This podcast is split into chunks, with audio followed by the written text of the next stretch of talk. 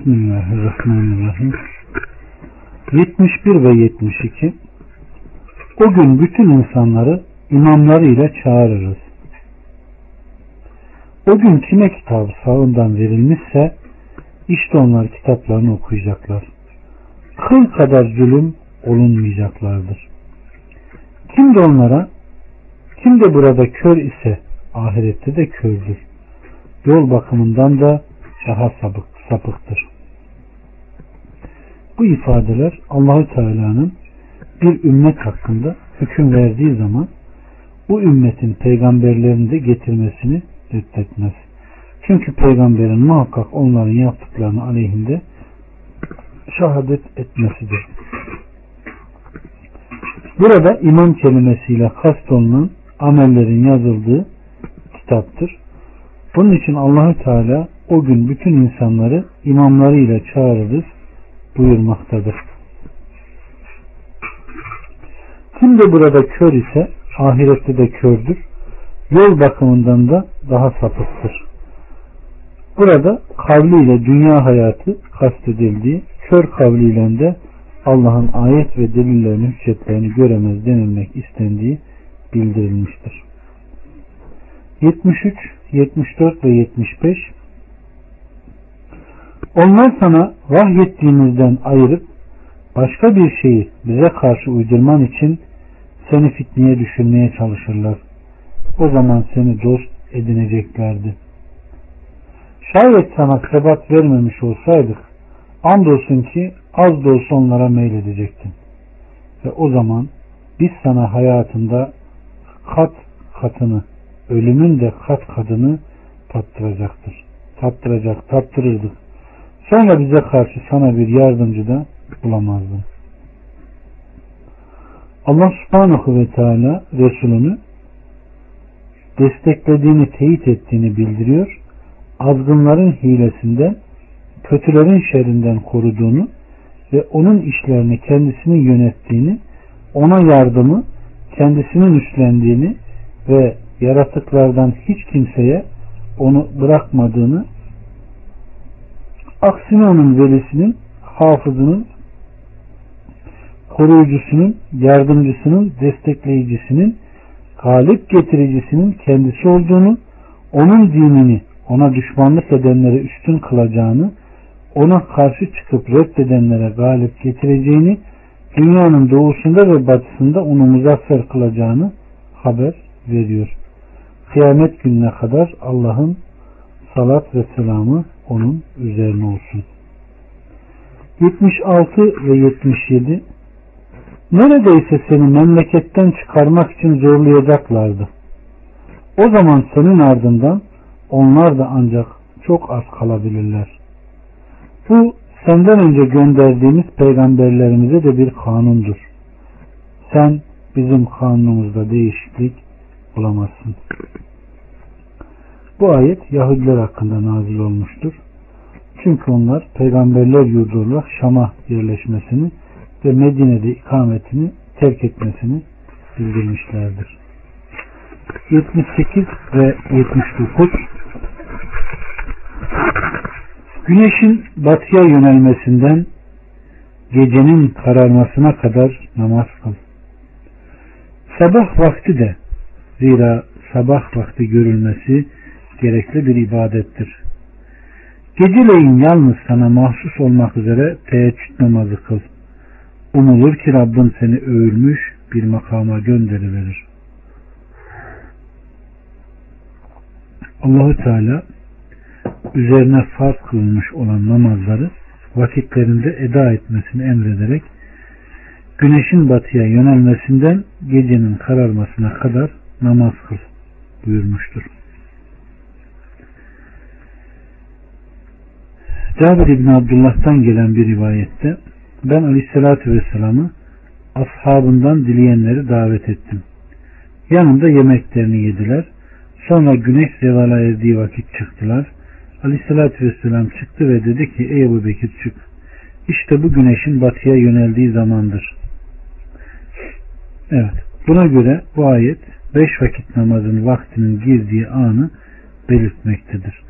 Çünkü güneşin batıya yönelmesi gecenin karanlığına kadar olan zamandır. Namaz vakitlerinin tafsilatı Resulullah'ın fiil ve sözlerinde tevatür yoluyla birçok hadis-i şerifte gelmiştir. Aleyhissalatü Vesselam Efendimiz cemaatle namazın tek başına namazı üstünlüğü 25 derecedir. Gece melekleriyle gündüz melekleri sabah namazında toplanırlar buyurmuştur. Ve Bedevinin biri aleyhissalatü vesselama Ey Allah'ın Resulü bana namazın vakitlerini anlatır mısın? Ona zaman diye sorduğunda sen bizim arkamızda iki gün namaz kıl sonra gel diye buyurmuştu. Sabah namazını kıldıklarında kimse kimsenin yüzünü tanıyamayacak bir vaziyetteydi.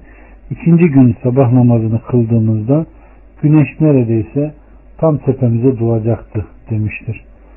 Öğlen namazını kıldığımızda gölgeler doğuya, güneş batıya tam meylettiği anda ikinci günse her cismin gölgesi bir misline ulaştığında kıldı demiştir. İkinciyi her cismin gölgesi bir misli, ikinci günse iki misli olduğunda kıldı demiştir. Üçü, e, akşam namazını ise güneş tepeyi hemen aşınca yatsıyı ilk yıldızlar çıktığında ikincisinin günü ise gecenin tam yarısında yatsıyı kılmıştır buyurmuştur. 80 ve 81 ve de ki Rabbim beni doğruluk yerine koy ve doğruluk yerinden çıkar. Ve katından bana destekleyecek bir kuvvet ver. De ki hak geldi, batıl yıkıldı. Muhakkak batıl zaten yıkılacaktı. İbn Abbas'tan gelen nakilde kardeşlerim Aleyhisselatü Vesselam Mekke'de bulunuyordu. Sonra hicret emri geldi ve Allahu Teala ve de ki Rabbim beni doğruluk yerine koy ve doğruluk yerinden çıkar ve katından bana destekleyeceğin bir kuvvet ver buyurmuştur. Yine de ki hak geldi, batıl yıkıldı. Muhakkak batıl zaten yıkılacaktı. Bu da Kureyşli kafirlere tehdit ve uyarıdır. Çünkü Allahü Teala içinde şüphe bulunmayan hakkı ve daha önce bilmedikleri gerçeği kendilerine getirmiştir. Bu gerçek Allah'ın Kur'an'ı ile beraber gönderdiği ilim ve faydalı ameldir. Batılları yıkmış, yerle bir etmiş, mahvetmiştir. Çünkü hak ile birlikte batıl durup dayanamaz. 82 Kur'an'da müminler için rahmet ve şifa olanı indirir. Zalimler için ise ancak hüsranı artırır. Bu ayetin manası mümin onu duyunca ezberler, korur ve yararlanır. Zalimler için ise ancak hüsranı artırır.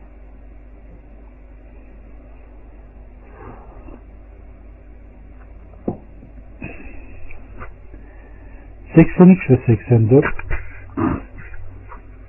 İnsana nimet verdiğiniz vakit yüz çevirir ve yan çizer. Başına bir kötülük gelince de ümitsiz olur. De ki, herkes yaratılışına göre hareket eder. Ve Rabbiniz kimin yol bakımından daha üstün olduğunu en iyi bilendir. allah Teala'nın insana bir darlık gelince yan yatarken, oturur ve ayaktayken bize yalvarıp yakarır. Biz darlığını giderince başına gelen darlıktan ötürü bize hiç yalvarmamışa döner buyurmuştur. Ve Rabbimiz de ki herkes yaratılışına göre hareket eder. Yani kendi cephesine göre, kendi durumuna ve tabiatına göre hareket eder. 85 Sana ruhtan sorarlar. De ki ruh Rabbimin emrindedir. Ve size bilgiden ancak çok azı verilmiştir. İmam Ahmet'ten gelen rivayette Abdullah İbn Abbas şöyle nakleder. Ben Medine'nin meralarında Aleyhisselatü Vesselam'la birlikte geziniyordum. O bir hurma dalının üzerine dayanmıştı. Bu sırada Yahudilerden bir topluluğa rastladı. Onlar birbirine dediler ki ona ruhtan sorun. İşlerinden biri sormayın dedi. Abdullah İbni Mesud der ki Hazreti Peygamber'e ruhtan sordular ve ruh nedir ey Muhammed dediler. Hazreti Peygamber hurma dalına dayanmaya devam etti. Abdullah İbni Mesud diyor ki öyle sanıyorum ki o sırada kendisine gelen vahide sana ruhtan sorarlar de ki ruh Rabbimin emrindedir ve size bilgiden ancak çok azı verilmiştir. Ayeti nazil oldu. 86'dan 89'a kadar eğer biz istemiş olsaydık sana vahyetmiş olduğumuzu götürürdük. Sonra onun için bize karşı duracak bir vekil bulamazdın. Ancak Rabbinden bir rahmet iledir. Muhakkak ki onun sana olan lütfu pek büyüktür.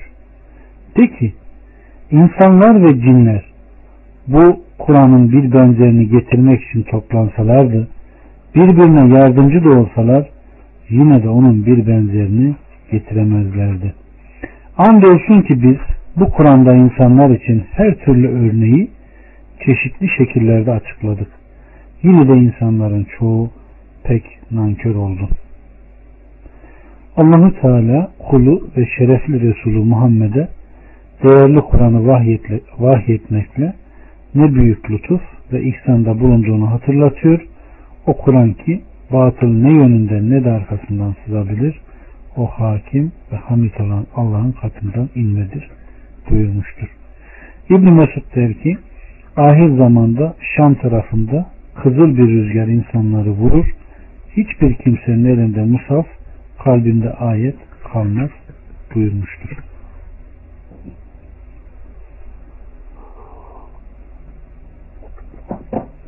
...90'dan 93'e kadar...